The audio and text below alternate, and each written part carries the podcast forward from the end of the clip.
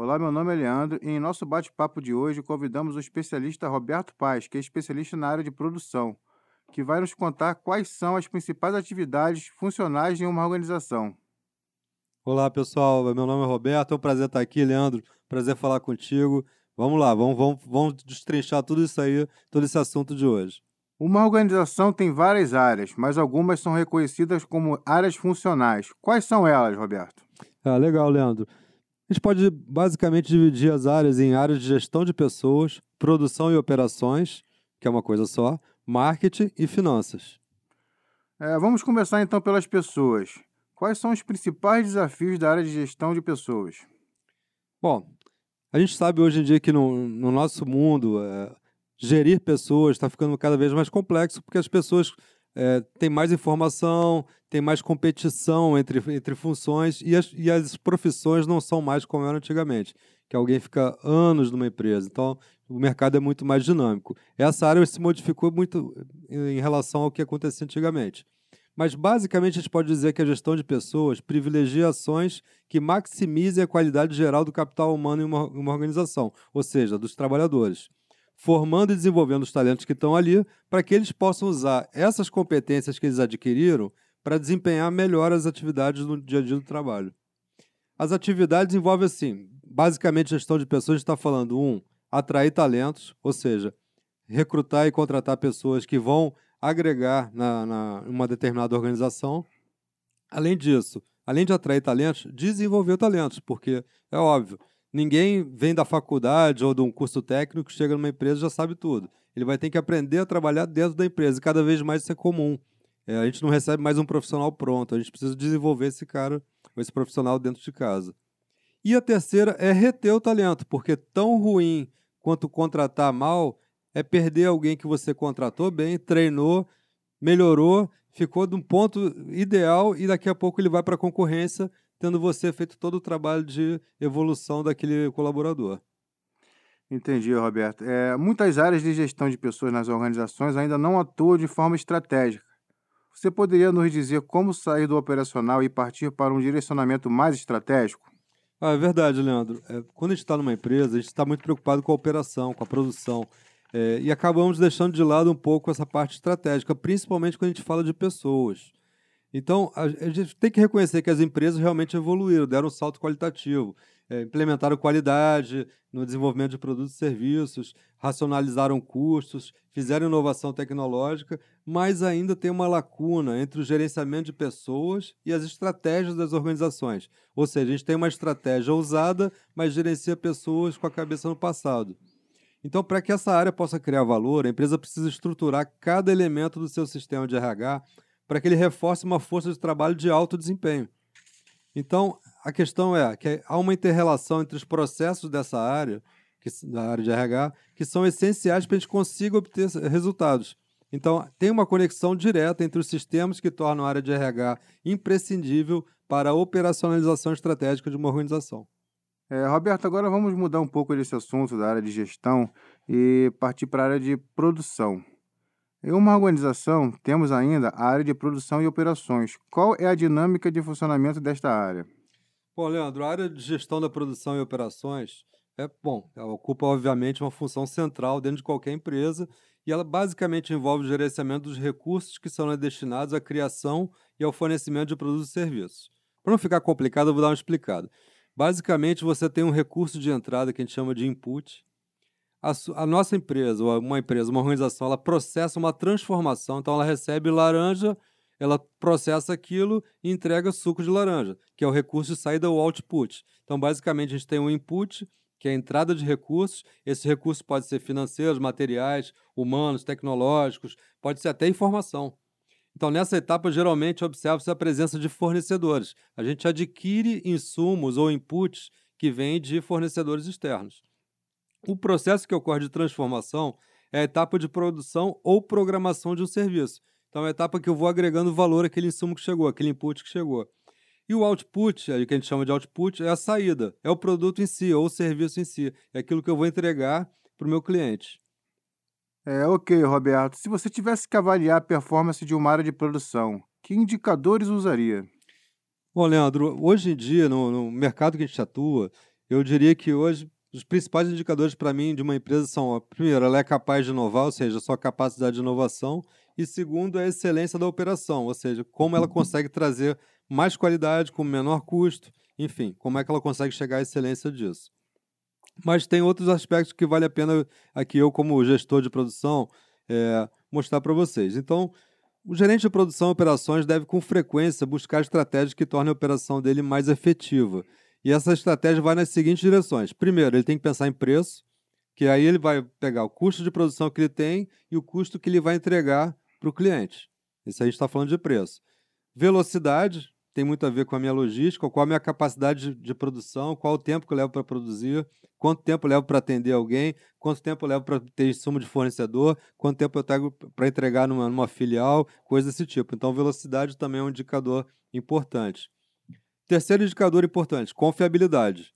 Então, o cliente interno, meu fornecedor, todos os stakeholders da, da organização, eles querem um cumprimento de prazos, cumprimento das promessas feitas, eles querem a segurança pessoal e dos bens que eles estão colocando para ou adquirindo ou colocando para ser, serem produzidos. É, manutenção, caso de algum problema, enfim. Confiabilidade vem com toda essa parte carreada. Quarto ponto seria qualidade e garantias. Então, tem que garantir que o meu produto tem qualidade, que ele tenha vida útil exatamente como eu planejei, é, qual a probabilidade de falha que ele pode ter, pode apresentar, qual o grau de capacidade técnica que eu tenho de corrigir falhas, enfim. Isso aí é o que a gente chama de qualidade de garantias. E, por último, em relação a indicadores, eu chamaria de flexibilidade, que é um indicador que vai dizer, olha, se eu sou capaz de atender com o meu produto necessidades específicas. Eu posso modificar meu produto ou meu serviço, eu posso ter um mix de produto, eu posso variar meus serviços, justamente para ser flexível para poder atender meu cliente. Entendi, Roberto. É, por último, vamos conversar sobre a área de marketing, que é uma área cujo papel é fundamental em qualquer organização. Quem trabalha nessa área atua levando em consideração o mix de marketing. Me conta o que é isto. É, muita gente fala de mix de marketing, então são duas vertentes. Tem a vertente clássica que eu vou falar aqui, que fala de preço, promoção, prazo e produto, os quatro famosos quatro P's do mix de marketing. Vou falar um pouquinho deles. Então, quando a gente fala em preço, a gente está falando que custos, os custos que envolvem, por exemplo, o preço de um produto ou serviço. Também eu falo quando desconto, de bônus, de prazo de pagamento, condição de financiamento. Tudo isso envolve preço. Então não basta eu definir o preço, eu tenho que considerar todos esses aspectos no redor. E antes de definir o preço, a organização ou a empresa deve considerar quais são os objetivos de marketing relacionados ao, ao produto e serviço. Eu não posso chegar, por exemplo, eu querer vender uma coisa que é muito barata ou de qualidade muito baixa num mercado que é de alto poder aquisitivo, por exemplo. Então o preço ele tem que estar ajustado a vários fatores.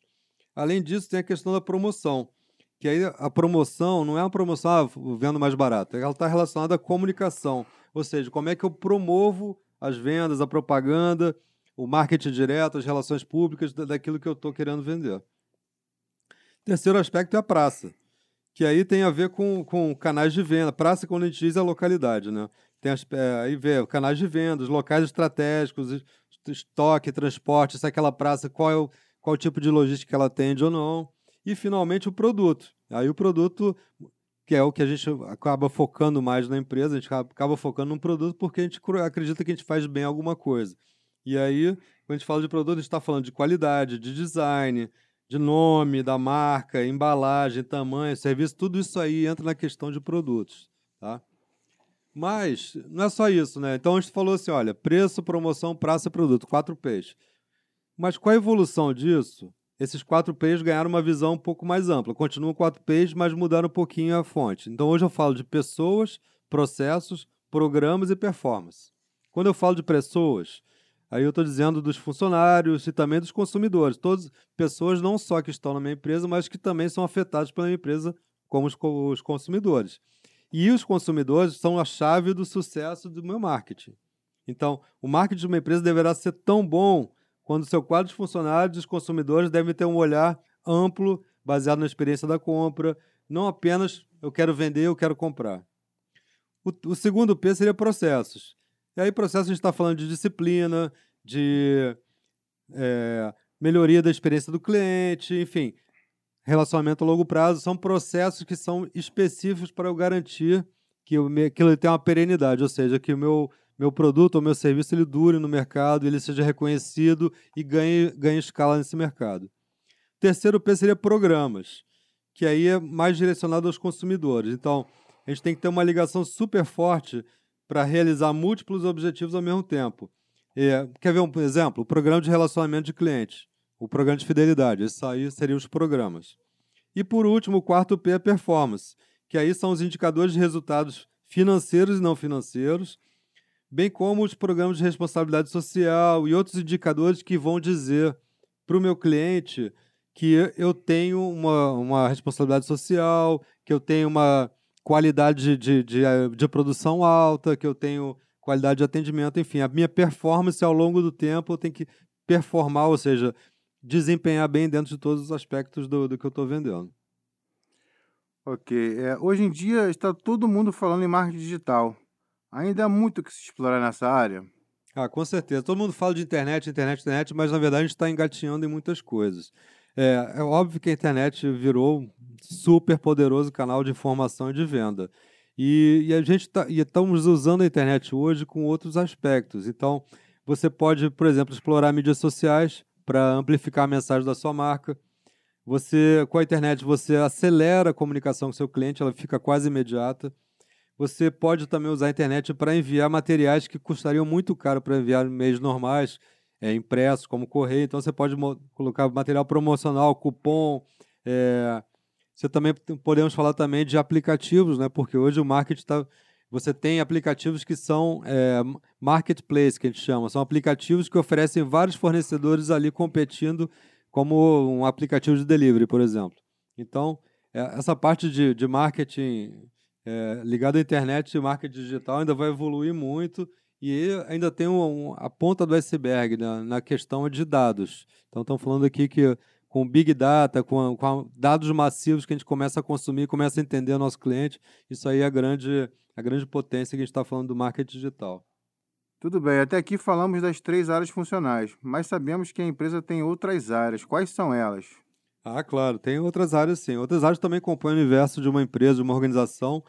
É óbvio que varia de acordo com o tamanho, né? Dependendo do tamanho da organização, ela vai ter mais ou menos áreas ou vai ter acúmulo de áreas dentro de uma mesma gerência, por exemplo. Mas a gente pode falar de outras áreas, olha, planejamento estratégico, fusões e aquisições, suprimentos, jurídico, área de informática, TI, obviamente, relação com a imprensa, comunicação interna, relação com investidores, quando tem investidores, relações institucionais, que é muito importante, porque você tem que conversar com os órgãos é, de fiscalização do governo, por exemplo, então relações institucionais, tem a área de auditoria, que também é muito importante, você começa a ver, a, a, a, medir se efetivamente o que você acha que está fazendo realmente está fazendo. Então, a auditoria trata disso.